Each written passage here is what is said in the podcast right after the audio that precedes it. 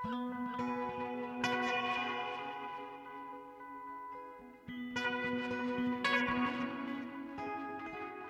sjálf og blessuð. Við sjá heilsar eh, ágætu hlustendur þriðu daginn 16. mars. Hundagerði nýjasta skaldsaga finska réttöfundarinn Sofí Oksanen 40 ára afmælistónleikar í Norðurljósa sal Hörpu á morgun og kvika í Viðsjá í dag.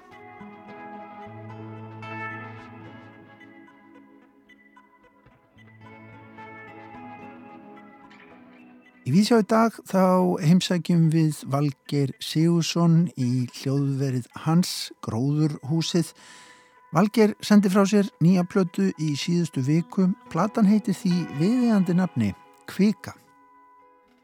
Við ætlum líka að ræða við ettu Erlendstóttur pjánuleikara en hún heldur einlegstóleika í Norðurljósasal Hörpu á morgun. Á þessu ári eru 40 ár liðin síðan etta helt sína fyrstu tónleika á Kærvalstöðum í janúar árið 1981 og nýlega kom út geisladiskur þar sem etta leikur þrjár sónutur sem Frans Schubert samti Kornungur árið 1817. Á tónleikonum á morgun þá ætlar Edda meðal annars að um, leika verk eftir Schubert, Edvard Grieg og um, Olivier Messiaen. Við heimsækjum Eddu hér um, rétt á eftir spjöllum um tónleikana á morgun, ferilinn og sitt hvað fleira. Og Gauti Krismansson, bókmentagagrinandi viðsjár fjallar í dag um skálsuguna Hundagerðið eftir finskari töndin Sofí Oksanen en bókin kom út á síðasta ári í íslenskri þýðingu Erlu E. Völudóttur. Hundagerðið er fymta skáltsagan eftir Oksanen sem að kemur út á íslensku. Þriðja skáltsaga hennar, Reynsun, kom út árið 2008 og hlaut höfundurinn bókmyndavellu Norðurlandaráðs árið 2010 fyrir það verk sem einnig kom út í íslenskri þýðingu Sigurðar Karlssonar það sama ár. En við byrjum á afmælistónleikum, við byrjum á Frans Schubert og við byrjum á ettu Erlendstóttur við förum niður í bæ.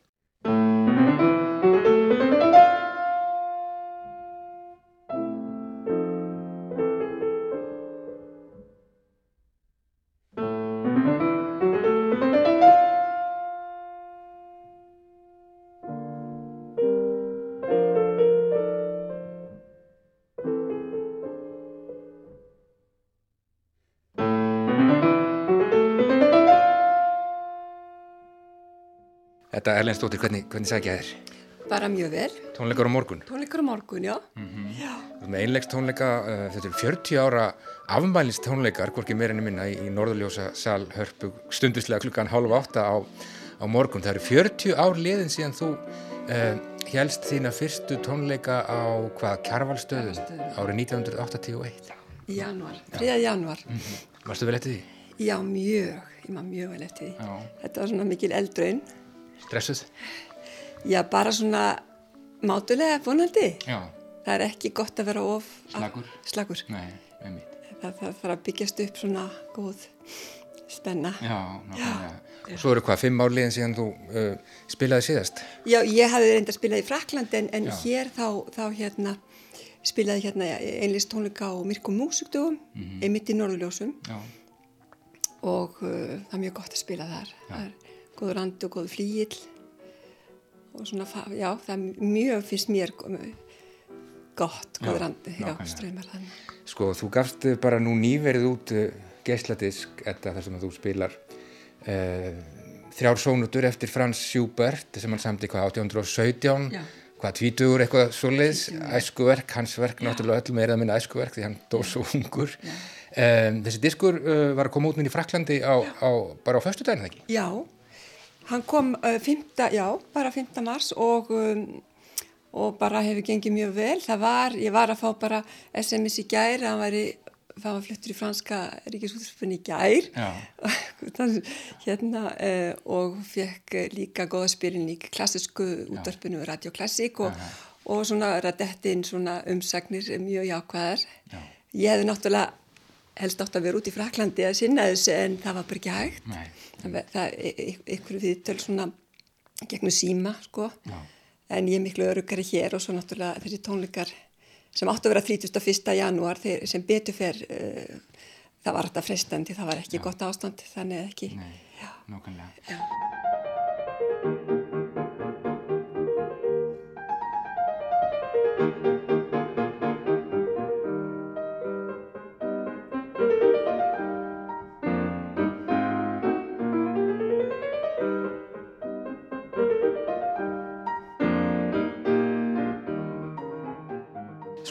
þessi diskur hann er búin að vera lengi í bígerð veit ég, ég held að þú hefur byrjað að hugsa um hann, segir þú mér eitthvað tíma, bara 2010 Já. og Frans Schubert er, er tónskáld sem hefur fyllt þér bara frá því að þú varst krakki. Já, það er náttúrulega, sérstaklega sko mínir kennarar, góðu kennarar, eh, Hermina Kristjánsson og Átni Kristjánsson, um, þau auðvitað höfðu sagt, stundanám í Berlín og voru með svona, þessa þessa þísku hérna, mentun, romantíska skólan, klassiska skólan og þannig ég kynntist Sjúber eh, strax bara sem krakki mm -hmm. og, eh, og hann hefur bara fyllt mér síðan sko og, og uh, það er eitthvað svona sem að ég veit ekki kannski erfitt að lýsa því að það, það er eitthvað sem að tala mjög stert til mín í hans tónmáli mm -hmm.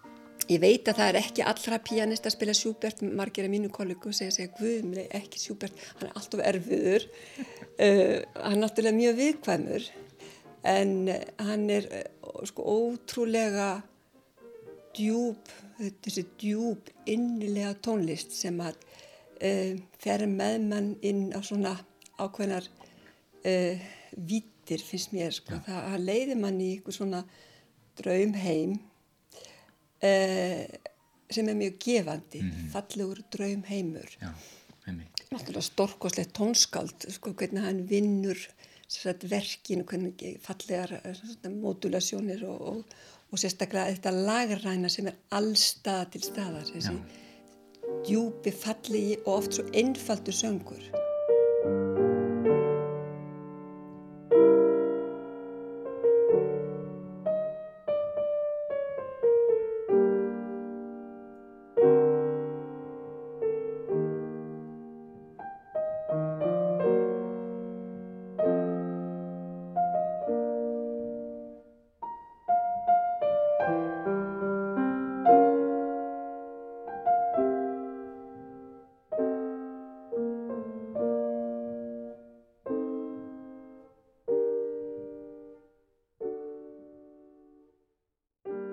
Þú ætlar að spila Schubert í Norðurljósasalunum á morgun og líka uh, Olivier Messiaen og uh, Edvard Grieg og, og fleiri. Um, sko, sá Schubert sem að þú, uh, sko, hvernig er það þegar, þegar maður á í svona sambandi við svona tónskáld eins og Schubert svona lengi? Sá Schubert sem að þú kynnist kannski tvítu, er það allt annars konar Schubert en þú umgengst nákvæmlega núna? Uh, núna sko uh, ég, ég byrjaði minn karriera því að uh, minn ferilega á að spila þarna á kjálfastöðum sko Schubert klavirstug, mm -hmm. þrjú klavirstug sem hann samti var síðast árið hérna 28 sem sagt Já. og hann samti mjög mikið að stórum ótrúlega sko mikið, svo mikið sem hann samti þarna í lokin mm hann er mhm. svona, fann, hann var svo næmur hann fann náttúrulega náttúrulega ekki langt eftir hann er 31 ás og en svo smátt og smátt fer maður náttúrulega að kafa ofan í bara sko verkin og, svona, og í þessi æskuverkans ef maður getur kallað æskuverk því hann var náttúrulega og ungur Já. sem að samti þetta frjósama ár uh, 1817 mm -hmm. þau ykkur neginn það byrpit svona svolítið öðru, öðruvísi mynd af Schubert ég fór að, að, að spila því gegn og að það er eins og að, um, að að hann hafi ekki, svona, ekki þá vittneski hann ætti eftir að lifa stutt, það verður ekki fyrir hann er 26 ára Já. að hann fær sagt, sárasótt og, og, og, og þetta mótaður mjög mikið hans uh, tónsmíðar en um leið uh, þá því ég hef svona heil mikið verið að lesa því að vera að taka upp diskin og svona mér langaði svo að kynast Sjúbert öðruvísi heldur en bara í gegnum verkina svo þá kemur ljós að hann í raun og veru hafði mikið æðruleysi gagvart döðanum og, og, og hann segir bara eitt síðasta sem hann sagði e, þegar hann er degjandi hann segir á ég það virkilega skilið að hafa lifað á, á þessari jörð? Sko, svo, svo, svo þakklátur já, alveg, já. Og, og hérna, en það svona þessi þessi, þessi þessa sóndu sem ég semst vel að það er uh, auðvitað þessi hérna djúpi söngur en það er svona þessi líka eskuljómur finnst mm. mér vera Já. og líka er finnst mér mikilvægt að uh, taka þetta upp því að það er heyrast mjög sjaldan mjög margir af mínum pjánleikurum vinum bara svo þessi sónat eins og þessi astur ég er bara aldrei heyrt hann og það er eiginlega ótrúlegt Já. með svona stórt tónskáld en hann var náttúrulega ekkert upp á pallborðinu hérna í, í svo lengi semst á, á síðustu öld.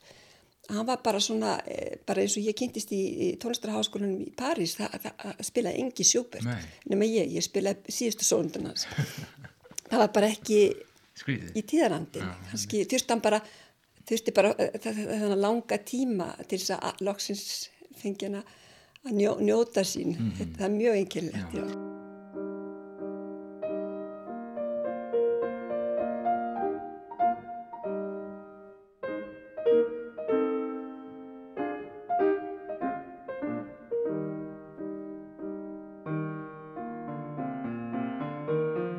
Það verður, já, sannarlega Schubert í Norðurljósasalunum á morgunetta og já, Messiaen, Grík. E, og Dudieu sem Dudieu. er e, hérna mjög flott fransk tónskátt og ég byrja tónleikana á Carl Philipp Emanuel Bach mm -hmm. sem er svona leiðir inn í, inn í svo klassikina. Mm -hmm. Þú kemur viða við í tíma. Já, þetta er svona verið svona eins konar, já, ég veit ekki hvort maður getur kallað þetta svona panorama en, en svona kannski mín, mín uppáhalsverk þannig þú séu mörg þá svona, fannst mér þetta eitthvað sem var fyrir valunum svona bara eiginlega mjög bara eðlilega. Mm -hmm. 40 ár síðan að fyrstu tónleikarnir voru þetta haldnir. Um, skoður hugsa tilbaka um, hvað hefur þú orðið ef að þú hefur ekki orðið píjánuleikari eftir eins og margir listamenn að það bara var ekkert annað í stöðunni það kom ekkert annað til greina og það kemur ekkert annað til greina? Nei, það var þannig, já. Það var alveg þannig, ég byrjaði í háskólanum því ég var hérna, komin á pjánukennaradeildina í, í tónu og ég hætti eftir þrjá mánuði. Og raun og veru því ég hugsa tilbaka þá hugsa mér sko að ég, að minn ferill, ég, hann er ekkit kannski svona svo stór að því ég hef ekki valið að vera mikið á ferðalögum. Mm -hmm. ég hef auðvitað ferðast og spila ég spila mikið, ég myndi segja að ferillin er mjög stöðugur í, í hérna í, í, í verkefnum en ekki svona sko stór með hvað ég að sé svona koncertpianisti sem er alltaf á ferðinu vegna þess að það, það bara átti ekki vel við mig Nei. þá var ég líka að uh, hugsa um sko, ég, ég var alltaf með nút í maganu því að ég var að fara, fara í tónleikaferð, ég fór náttúrulega til Bandaríkjan og til Rústlands, Sovjetríkina tvísvar og svo til Kína og svona mm. en það, sko um, auðvitað þá var ég að hugsa um fjölskytuna mína, sonn minn og, og og, og, og vera ekki, mm, vera ekki að vera til staðar, Já. njóta þess að eiga gott fjölskyldili, það var mikilvæg heldur en svona mm. stór karri og ég veit það sko því mér vissi það þegar ég held mína fyrsta einlistónleika svona ofinbera í beitnu útsendöku í franska í Marseille, það var útvarpa beint frá franska útvarpinu, þá hefði ég geta farið svona á eitthvað kannski svona, ég veit ekki, skonar grand karriér, en mm. maður veit aldrei neitt, Nei. skilur þau. Þú hefur forgangsraðað. Það var mjög skýrt og ég þarf aldrei neinn eftir sjá. Maður mér stundur sagt, ó, þú hefur getað að spila þetta miklu, miklu oftar og ég sendi bara fínt. Mm -hmm. En það sem hefur verið mikilvægt fyrir mig, það er þetta ferli, það, það hefur verið mest gefandi. Þetta er mjög gott að, að, að spila og þetta er nöðslega að spila fyrir áherendur. Eh, en það sem hefur verið svo gefandi, það er þetta ferli að sökva sér ofan í verkin í marga mánuðu þetta þessu undirbúið svona. Mm -hmm. og, og, og einhvern veginn að, að reyna að fá sem, sagt, sem dýfsta tilfinningu fyrir hverju verki. Já, það er nautnin. Það, það, það hefur verið hérna sem hefur gefið mér mest og það er ótrúlega dýrmætt. Já. Uh, Þú ert búin að búa uh, lengi í París, Edda, þú hefur kent í í Líón og í Versölum líka, þú ert gestakennari núna hérna við, við Listaháskóla Íslands um, ert auðvitað stödd hér nákvæmlega núna á, á lokastygnum ég lít nú að spurja þig hvernig hefur verið að vera út í París á þessum allra síðustu og vestu tímum? Sko ég var eiginlega ekkert í París á þessum vestu tímu, Nei. ég var hérna í nýju mánuð alveg mm -hmm, samfelt, já. ég fór út núna í þrjá mánuði sko í kringum jólin og það var náttúrulega bara allt svona útgöngubann og lokað og, og það er engi tónleikar og það er ekkert hérna engi list við, viðburðir en þá það er þannig að það var náttúrulega mikil forriðnind að vera hérna þennan, þessa mánuði og vera, vera núna e, bara eins og ástandir í heimunum að vera núna á Íslandi sko, það er ekki hægt að hugsa sér betra. Tónleikar á morgun og þú ert nú bara uh, Póll Róleg. Hérna í, í miðborginni sé ég uh, ertu, ertu, hérna, ertu búin að stilla Þú búin að stilla hugan, ertu, ertu komin alveg komin í gýrin og kannski bara til hlökkurinn einn eftir? Já, það er svona, uh, maður er svona alltaf hægt og sígand að stilla hugan og, mm. og, og, og fingurnar og hérna, sem sagt er að reyna líka bara, bara svo að láta, opna sér og láta flæða og mm -hmm. tala til uh, þeirra sem er hlusta mig. Já, það er að æfa því í dag? Já, ég ætla svona bara að fara í róleitum yfir efniskan og ég fæ að æfa í norðurljósum í dag Já. og ég tekki hljóðfærið og það er mjög gott hljóðfæri. Svo bara fara út á ganga og láta þetta, já, já eins og þú segir, bara flæða. Já, ég er bara að þú sem að verið, já, nú ger ég ekki meira, uh, sem sagt ég bú, búið með heimavinnuna. Já, nákvæmlega, búin að læra heima. Bú, búin að læra. Klári slæðin. Þetta Erlendstóttir, ég segi bara takk fyrir spjallið og gangið er vel í Norðurljósasalunum á morgun tónleikarnir hefjast eh, stundislega klukkan 19.30 og eh, ég er að hugsa um að enda þetta bara á eigin prívat óskalagi um, það er ekkit alveg splungunýtt frá þinni hendi en, en, og kannski ekkit selga frumlegt val en ég ætla að velja það samt og við skulum bara hlusta. Takk fyrir mig. Já, takk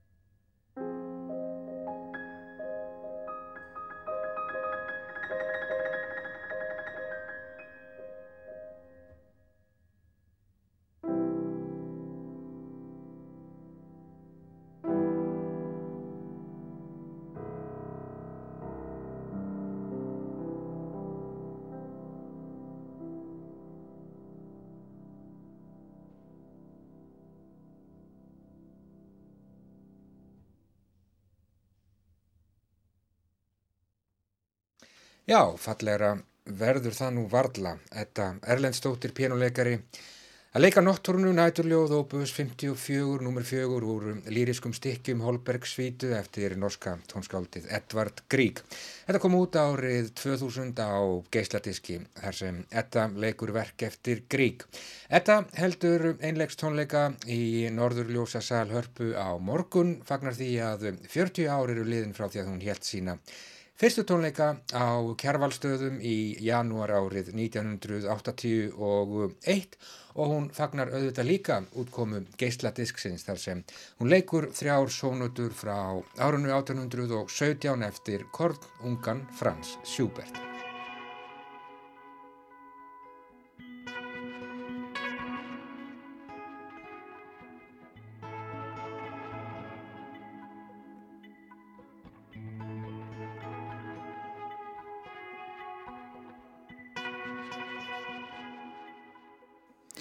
Við höldum okkur við norðrið. Hundagerðið er heiti á skáldsögu eftir finska reytvöndin Sofí Oksanen sem að kom út í íslenskri þýðingu Erlu E. Völudóttur á síðast ári.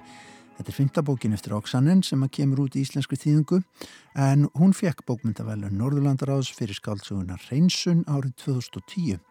Það sama ár kom hún út í íslenskri þýðingu Sigurðar Karlssonar. Í nýju bókinni Hundagerðinu tvinnast líf allslaus innflytjanda í Helsingi saman við sögu Úkrænu eftir fall Sovjetríkjana. Oksanen hefur áður skrifað um svipaðefni ástandið í Austur-Európu eftir fall músins. En Gauti Krismansson, bókmyndagagrinandi viðsjár, er búin að lesa þessa nýju bók Sofí Oksanen. Við skulum gefa honum orðið. Á eftir basmissi er barn leysi einhverja helsti harmur sem lagst getur á okkur vesturlandabúa. Allátt hlutfall fólks sem vil eignast börn kemst að því að það getur ekki eignast þau án leknisfræðilegar aðstóðar. Stundum er það svo að hjálpa þar náttúrunni til að pör geti eignast barn, með sæði föður og ekki móður. En einnig hefur tekning gert kleift að búa til börn með gjafasæði eða gjafa ekki. Stundum er þessi að gengi svo langt að önnur kona gengur með barnið en hinn verðandi móðir. Nú á dögunum byrtist einmitt frétt þar sem tala var um að 60 pör á Íslandi byðu eftir gjafasæði eða ekki. En staðgöngumæðurinn mun vera ólögleg hér á landi. En þar sem er neyð, þar er harmur og það gefur óprútnum aðlum tækifæri til að hagnast á þeirri staðrind. Að minnstu kosti eins og því er líst í þessari nýjustu sögu finsku skáldkonunar Sofi Oksanen. Oksanen hefur áður skrifað um ástandi í Östur-Európu eftir fall Múrsins. Hennar frægasta skáldsaga Hreinsun fjallar um tver konur í Íslandi og lendarmál þeirra á sama tíma, þótt vissilega sé farið víðar í sögutíma og sviði, þar eins og í þessari nýjustu skaldsögu hennar, hundagerðinu. Oksanen skrifar af miklum þrótti um hörmulegar aðstæður kvenna og meðferðin á þeim. Segja má að hún afhjúpi grimdina sem konum hefur verið og er sínd með væðarlausum hætti. En þeir eru samt sem aður ekki alltaf passi í fornálömp, síður en svo og þá sérstaklega við um þessa nýjustu sögu sem snýst einmitt um tvær konur sem áttu sér samband í voninum að finna sér leið út úr fátækt og vonleysi í Úkrænu á tæplega 30 ára tímabili frá 1992 til 2016. Sögusviðið er Helsinki og ymsar borgir eða bæir í Úkrænu sem fæst okkar hér kunnum að nefna ef borgirnar Donetsk og Kænugarður eru undan skildar. Aljónka, svo sem segir söguna, er stödd í Helsingi árið 2016 í upphafi bókarinnar þar sem hún fylgist með tveggja barna finskri fjölskyldu sem kemur með hundin sinn alloft í hundagerði nokkurt þar í borg. Fljótlega hittur hún aðra konu, Daríu, sem henni verður byllt við að hitta, en það eiga þær sögur og leindarmál saman sem smám saman komi ljós í nokkuð langri frásögn. Dálítið eins og í myndlíkingunum laukinn þar sem hvert lægið af öðru hýðist af undir penna höfundar. Átakaflutur sögunar snýst hins vegar um sölu og eggjum ungra kvenna hjá fyrirtæki sem miðlast líku í Úkrænu og er sögukonan þar í hlutverki geranda, verkefnastjóra sem vinnur við að miðla eggjum réttra kvenna til para sem þráað eignast börn, gegn viðeigandi gjaldi, vita skuld. Þetta er engin ádrepa, ekki beinlinis, þar sem það er sögukonan sjálf sem er að lýsa eigin gerðum og kvötum en lesendum er látið eftir að fella siðferðistómana fyrir sig. En þetta er ekki fagur heimur. Hér er um vöruvæðingu kvenlíkamanns að ræða þar sem konundar sem selja ekkin sín þurfa að ganga í gegnum hormónameðferðir og annað ámóta til að undsja að hagnýta egg þeirra í þessum tilgangi. Það eru líka mjölkaðar til hins ídrasta og getur það haft mjög alvarlega áhrif á heilsu þeirra og líf, eins og vel kemur fram í greinilega þaul rannsakari sögunni. Þetta er gróðabrall eins og því líst í henni og þá getur það leitt til mikill að harmleikja og höfundurum tekst mjög vel að byggja upp dramaði kringum þetta allt saman og við halda háu spennustu í lestrinum. Höfuðpersonum tvær eru mjög vel mótaðar og við finnum til með þeim báðum.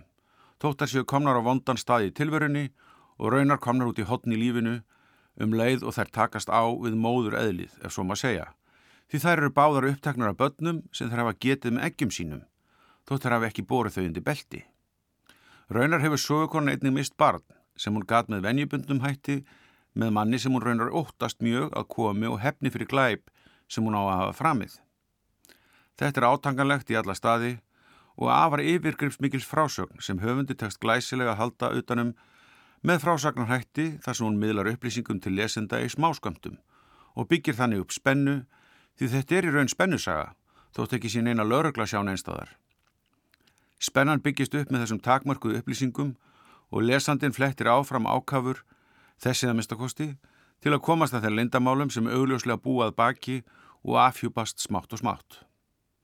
Um leiðir þetta panorama af ástandinu í Úkrænu á tíundáratögnum og raunar fram yfir byltinguna sem kent var við Mætantorg, því hrikalega síðferðilega ástandi sem kommunismin skildi eftir sig, þar sem flestum, körlum og konum, þykir fjáraflun með glæpsamlegum aðfram sjálfsögð, enda refu ólíkarkarnir allt í sig strax á tíundáratögnum með misjöfnum meðlum og almenningur bjófið ennveri lífskjör en meira segja í Sovjetinu.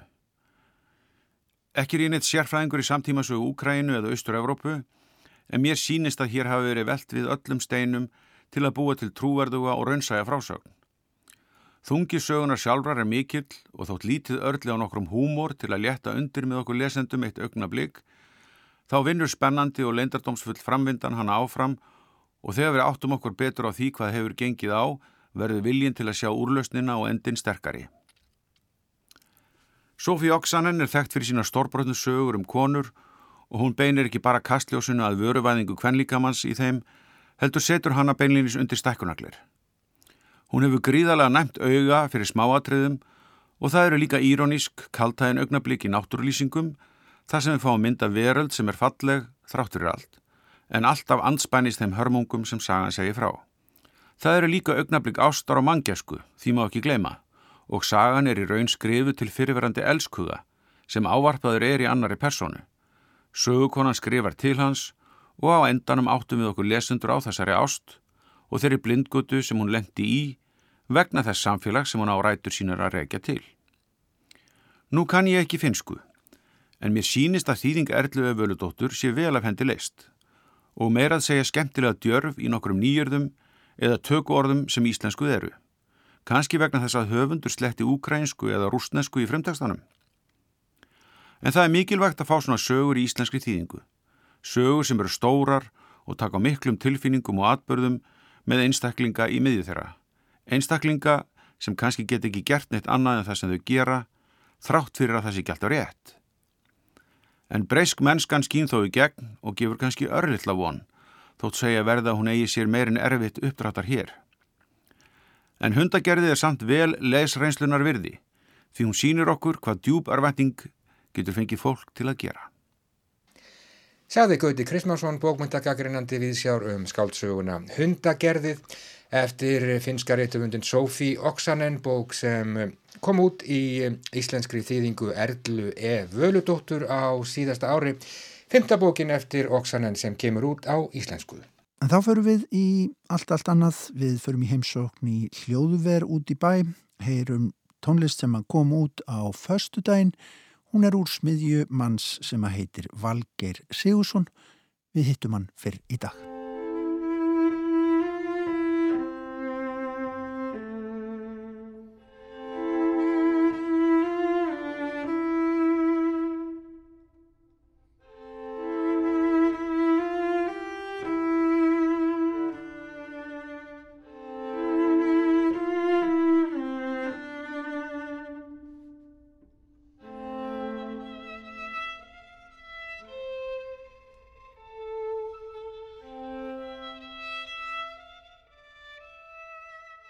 Við erum komin hérna í heimsók í stúdjó út í bæ til Valgers Sigurssonar, tónskálds og tónlistamanns. Valger, uh, til hamingjum nýja plötu sem heitir Kvika, kom út á fyrir helgi bara, það ekki, í síðustu viku? Bara á fyrstu dag. Já, á fyrstu dag. Sko, ertu svona rosalegur ölsingamæður að þú velur þér hérna nafnið Kviku á, á, á plötuna þín á þessum síðustu vestu tímum? Já, þetta er alveg fáir tímasetning náttúrulega með titil á, á plötu þegar ég var svona vinna að svona undirbúningi að, blása þessi lúðra með þetta sem var svona fyrir kannski mánuði síðan. Þetta er þetta búið að gerjast í daldinn tíma og, og artwork og allt búið að vera tilbúið í tíma og hérna. Þá var þetta nú ekki kannski en, en það, það er svona ég viðkynni að það, það kvarlaði að mér að þetta liti út svolítið grunnsanlega út sko þegar það fóru allar þessar reyfingar sko Já. en nei, þetta er, þetta er einhver hérna þetta er einhver mesta svona hefni, já þú veist En- en- Tilviljun. algjör tilviljun en, hérna, en, en ástæðan fyrir ég valdi nafni kvika, það heitir bara kvika sko, það er ekkit ennst ennsku titill, þannig að hérna um, ástæðan var svolítið svo að þessi tónlist var búin að vera svolítið að, hrærast undir yfirborðinu um, í daldinn tíma og ég vildi koma henni upp á yfirborðið. Um, það að því að hún var sagt, til í samhengi við kvikmynd um, sem var framleið eða sagt, sínd út í, gerð út í Slovaki og sínd svolítið á þeim, þeim slóðum var, var íslenskur meðframleiðandi Sæmundur Norðfjörð sem kom sagt, rauninni mér í tengslu við verkefnið. Svo fór þessi mynd kannski þú veist, hún, hún svona kláraði sín líftíma svolítið eh, allavega þar úti og hérna hefur ekki komið hingað þó hún sé reyndar mögulega vantarlega stokkvis að mér skilst. En tónlistin allavega hún held áfram að svona krauma og ég vildi klára hana sem plötu og kannski bara kominni út í, í eigin svona mynd um, og þá valdi henni nýtt nafn í rauninni, kvikmyndir heitir Little Kingdom með Mala Rísa á hérna, frumalnu og mér fannst það fannst það þessi tónlist ætti eiginlega bara að fá annan titil. Þannig varð kvikan uh, til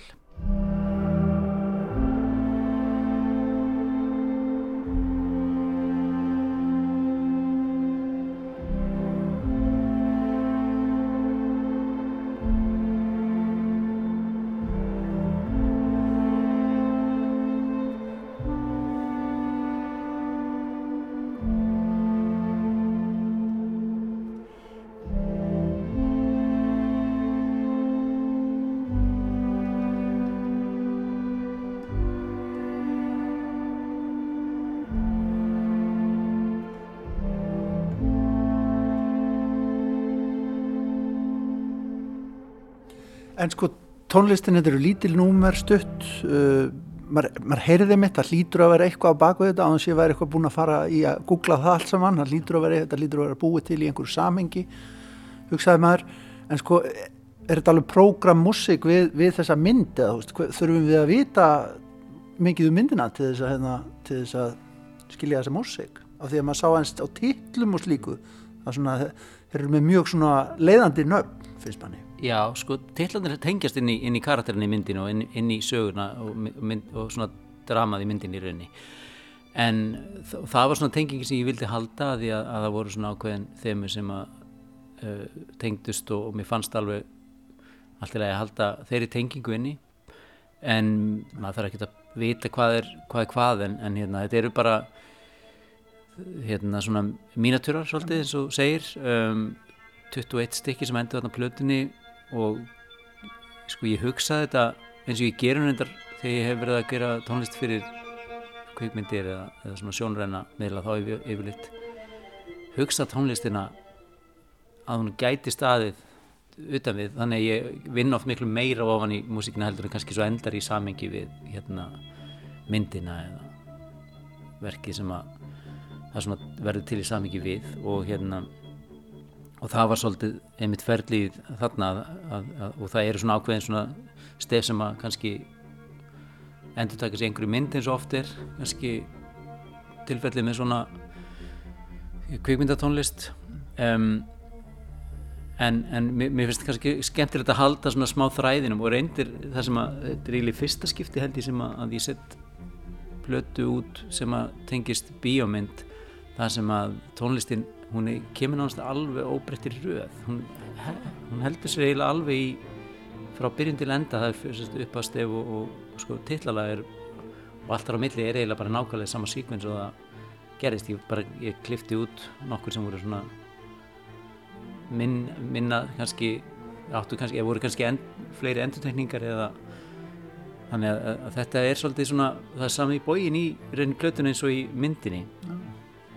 En uh, kvikmyndi fjallar um, um uh, hún er reyni mjög aldrei flókinsögur, það eru margar personur mikið af, það er allir, er allir svolítið óheðalegir og það er, þetta, þetta gerist í setni, setna stríði og það er hérna, margar margar personur og, og svolítið svona uh, saga um ástyr og svik og, og hérna og, og hérna valda tabl og þannig mm -hmm. lað um, þannig að, að sá einhvern veginn þráður heldur sér hlaldi í blöðunni ja. en, en, en hérna tilfinningar personuna sem að hvað svolítið að koma í gegna ég held að, ég held að allavega eins og ég hef hugsað þetta þá fær þetta nú bara sitt eigið líf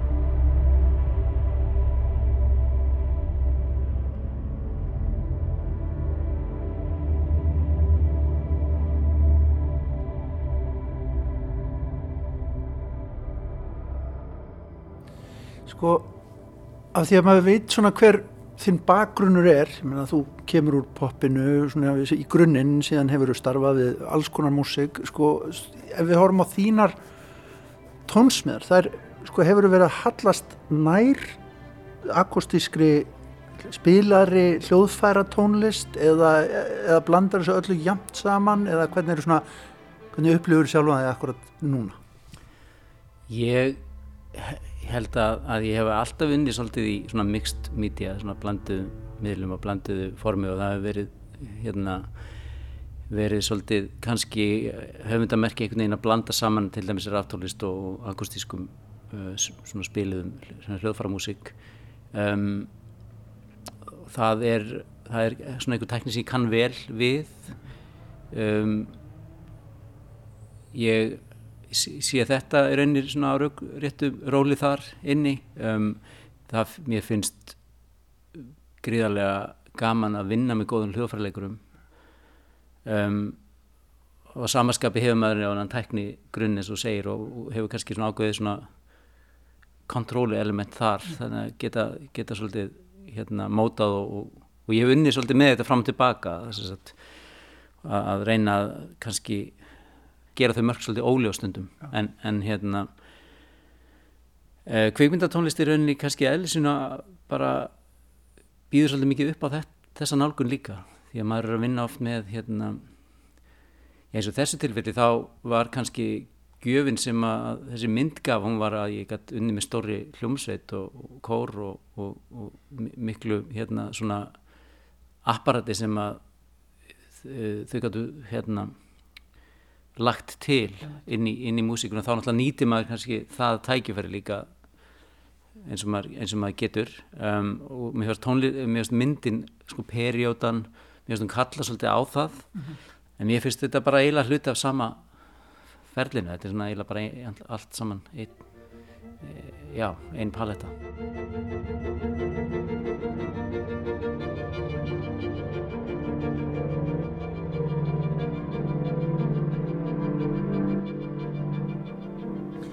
sitjum hérna í hljóðverðinu gróðurhúsinu og síðast þegar ég kom hérna þá var að detta alveg í, hérna í uh, Airwaves hérna, hátíð og húsið var fullt af fólki mann ég og var hérna mikil aksjón og hlaupi hér um, um allt Þetta lítur að vera alltaf annar veruleik í dag, ég menna, það er örgulega hægt að senda á þig verkefni til þess, að, til þess að ganga frá og svona, en það er náttúrulega ekki kannski eins mikil umgangur oft er, ég menna, í þessu ástandi sem við erum í núna.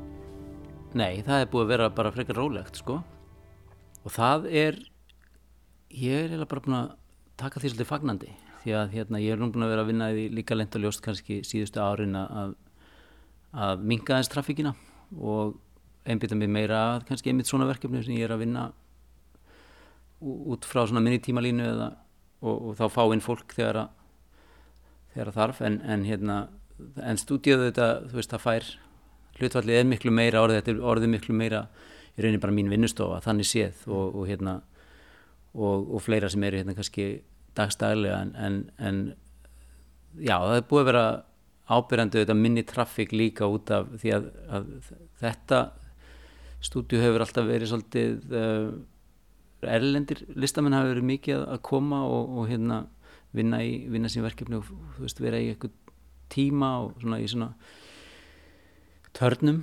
Það hefur náttúrulega verið minna, miklu minna um það og bara reynir mér lítið. Þannig að hérna ma það, maður finnur það bara að, að þú veist það er, fólk er ekkert að taka sér mikið upp og skreppa í, í stúdíu það, það er reynlega alltaf flókið sko en hérna, jújú, jú, en, en, en svo er náttúrulega tæknin að vinna með manni auðvitað líka því að veist, það er búið að vera sæmilega veist, fínt að gera í alls konar hérna þú veist, við erum með Better Community útgáfuna sem er náttúrulega reygin í gegnum internetið.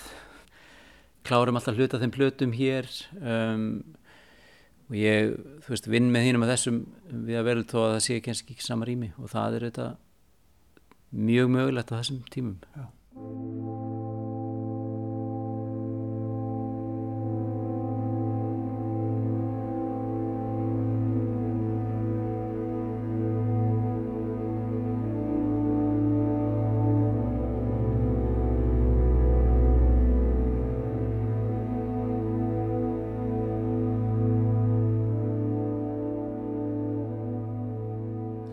En svona fyrir þig sem þín, list, þín listræna staða sko, eða þannig, svona bara varandi verkefni ég menna, er, er ertu ásettin varandi til dæmis aðra bíómyndir, er mikið framöndan í, í svona því, hvernig hérna, hvernig svona er þín staða í dag? Já, hún er nú bara þú veist, það er alltaf nóg, alveg nóg að gera ég er að semja heilmikið af músík um, ég er að semja hérna meirins að þú veist, fyrir levandi fluttning sko, sem að, maður, þetta veit ekki nákvæmlega hvernig það fyrir í gang en, en hérna, það eru, það eru hérna, ég er til dæmis með verk fyrir Nordic Affect sem að verður fluttningtunum voruða sumar ef að, eftir hvernig gengur. Ég er að skrifa verk fyrir strengjakvartett og, og, og elektrónik fyrir festival sem ég er að starfa með í, í hérna, Nóri sem verður vonandi flutt í sumar.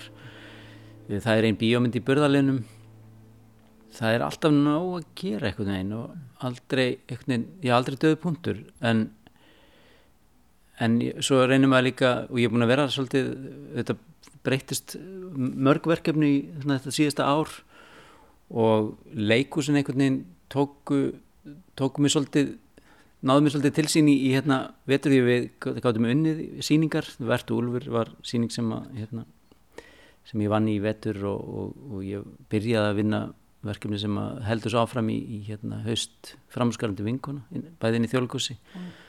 stúlkansi stöðan heim, stöðaði heiminn en núna í borgarleikursi líka þannig að þessi Já, verk... þú, þú er svo öllu, já, maður átt sér ekki á Ma, maður með puttar einhvern veginn ímsu sko, þannig að hérna það er búið að vera svona félagskapurinn er búin að vera skemmtilegur kringum það líka að vinna þessi verkefni í leikossun núna í vetur það sem að auðvitað búið að allir búin að vera daldið að teipanda tánum gagvart sótvörnum og, og hérna en, en það hefur tekist að, að halda svona vinnun í gangandi og verk þá tilbúin þegar þau voru tilbúin til að fá fólk í húsin sko. Mm -hmm.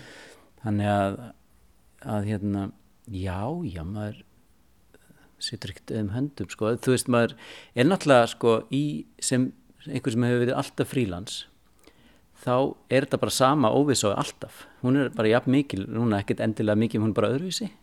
Það er bara allt, maður veit aldrei neitt kannski. Maður, ef maður sér fyrir sko næsta halva árið eða árið þá er maður svolítið góður sko. Og maður eiginlega, verður eiginlega líka hérna, helst ekki vita allt í að sko svo koma upp spennandi tækifæri með stuttum fyrirvara þá væri nú slæmt að geta ekki hérna, haft einhvern hérna, sveigjanleika.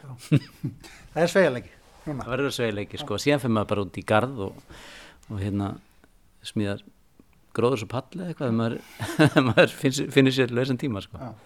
Til hafmyggju algjör með, með nýju plötuna kviku, bendum ána, þetta er inn á öllum hérna bara streymisveitum, ég sá líka það er ægilega fítn rauður vínill að koma út sem að hérna ekta kviku vínill, skjálta vínill Já, það er hérna hann, hann hérna spurning hvort, hvort kemur upp á yfirborðu undan því að vínillin kemur hann í mæ Já. þannig að hvort það verður komið með gós fyrr fyrir það eða hvort þetta veldur gósi, ég veit ekki en já það var, var ákveðið að hérna, það var svona stemming fyrir því að, að gera vínil og hérna um, ég er bara mjög spennt fyrir því ég hef ekki gert, gefið út vínil síðan 2017 því gátt síðustu svona já, sem, sem var ekki soundtrackplata, það var svona sem kom út þá, þá, þá kom vínil sem var glær. Þessi, er, þessi var viðandi að hafa þennan rauðan. Takk hjá vera spjallið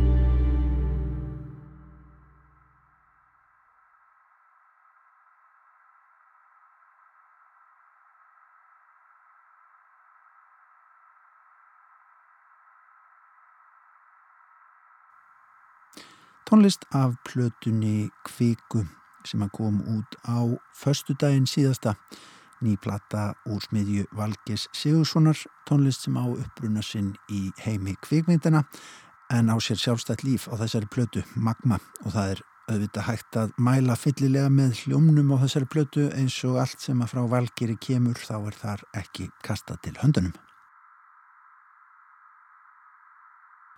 Og svona ætlum við að ljúka viðsjá í dag og viðsjá hér aftur á sínum stað á sínum tíma löst eftir klukkan fjögur á morgun. Takk fyrir samfélgina í dag kærlega. Verðið sæl.